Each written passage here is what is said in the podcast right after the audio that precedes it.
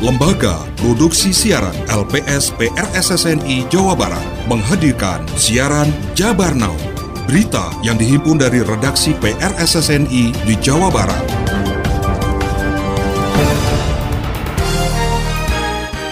Kami akan mengundang BWS dan dinas terkait untuk mengantisipasi bagaimana solusi. Kita akan memaksimalkan linmas yang ada di Kecamatan Comas.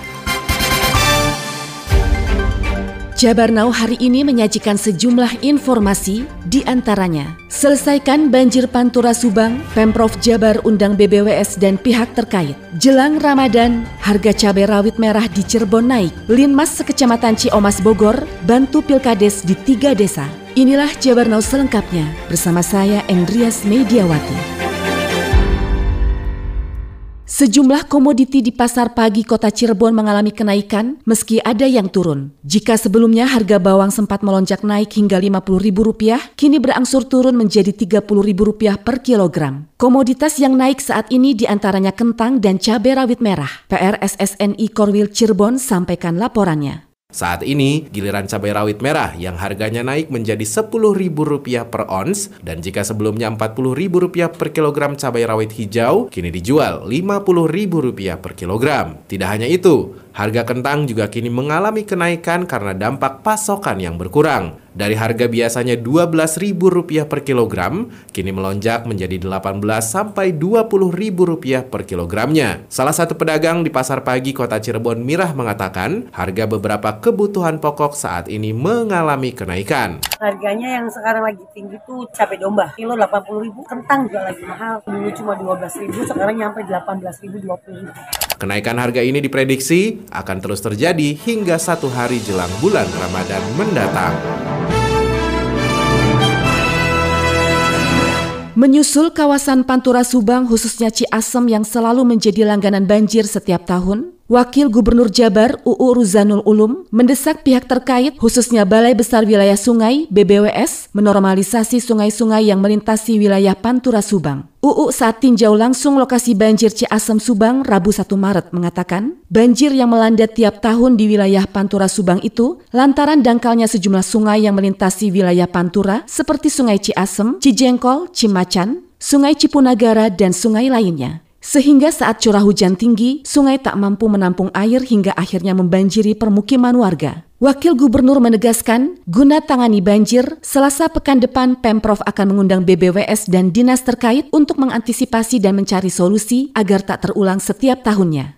Dan ada upaya minimal nanti hari Selasa kami akan mengundang BBWS dan dinas terkait untuk mengantisipasi bagaimana solusi minimal apa yang diinginkan masyarakat dan mudah-mudahan ada solusi cepat tidak dibiarkan. Jadi saya datang ke sini tidak hanya lihat, kemudian ngobrol dengan warga, tidak ada uh, progres. Insya Allah tadi saya ke sini, tugas Pak Gubernur ada progres cepat.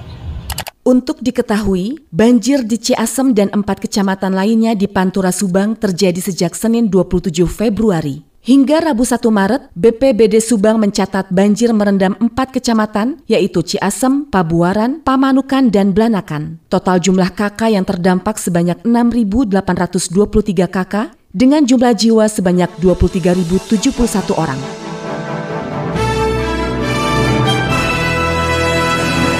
Terima kasih Anda masih mendengarkan Jabar Now yang disiarkan serentak di radio anggota PRSSNI se-Jawa Barat. Saudara, sebanyak 300 mustahik menerima bantuan modal usaha dari Badan Amil Zakat Nasional Basnas Kota Banjar. Penyaluran modal usaha kecil itu merupakan bantuan semester 1 tahun 2023. PRSSNI Korwil Priangan sampaikan informasinya.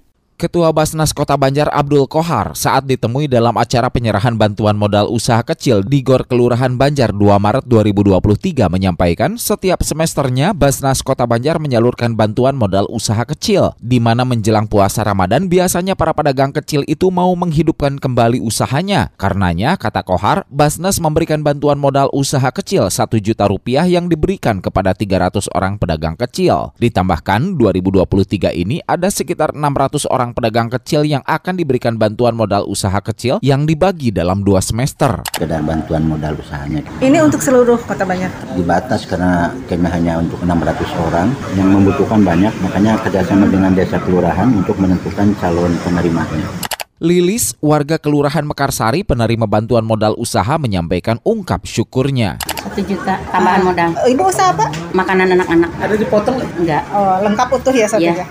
Dedi Suryadi, warga Balokang, penerima bantuan lainnya juga sampaikan hal yang sama. Ia yang tiap hari jualan bubur keliling merasa senang karena mendapat tambahan modal usaha. nambah modal modal usaha harapannya supaya lebih ringan untuk ekonomi sehari-hari Seneng ya Pak ya? senang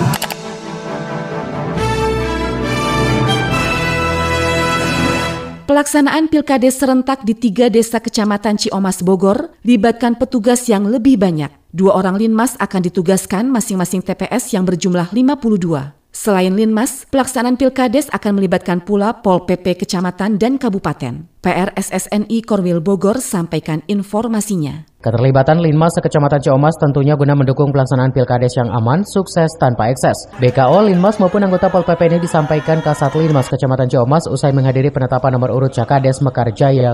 Satu TPS itu dua orang, tiga desa dan kemudian jumlahnya cukup dan kita akan memaksimalkan linmas yang ada di Kecamatan Comas. Selain linmas kita juga akan mengkaokan Pol PP Kecamatan dan Pol PP Kabupaten. Dari 100 anggota Linmas sekecamatan Ciomas, dua orang Linmas ditugaskan setiap TPS dan didampingi anggota Pol PP dari kecamatan maupun BKO Kabupaten Bogor.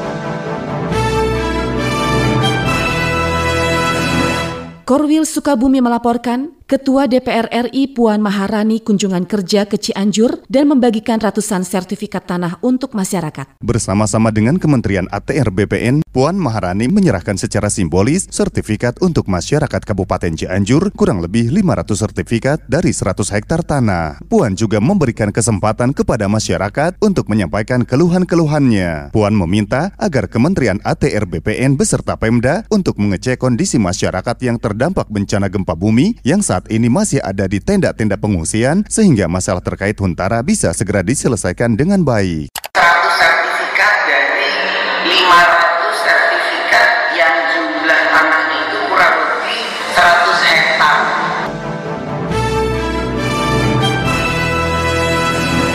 Ratusan perwira siswa dari TNI dan Polri serta sejumlah negara sahabat akan mengikuti pendidikan operasi militer di Sesko TNI Bandung selama 8 bulan ke depan. PRSSNI Korwil Bandung sampaikan informasinya. Usai membuka acara, Panglima TNI Laksamana TNI Yudo Margono mengatakan, para perwira siswa diharapkan dapat memahami teori-teori operasi militer. Pendidikan operasi militer diikuti para perwira dari TNI Angkatan Darat, TNI Angkatan Laut, TNI Angkatan Udara, dan Polri. Selain itu juga terdapat tujuh perwira mancanegara, yaitu dua dari Arab Saudi dan masing-masing satu orang dari Australia, India, Malaysia, Pakistan, dan Singapura. Operasi TNI baik dalam operasi militer perang maupun operasi militer selain perang harus dilaksanakan dengan gabungan juga sinergi dengan Polri. Nah ini supaya para calon-calon pemimpin ke depan khususnya di Sesko TNI ini mereka mulai dari awal sehingga mereka sudah memahami tadi teori-teori apa di dalam operasi gabungan tersebut.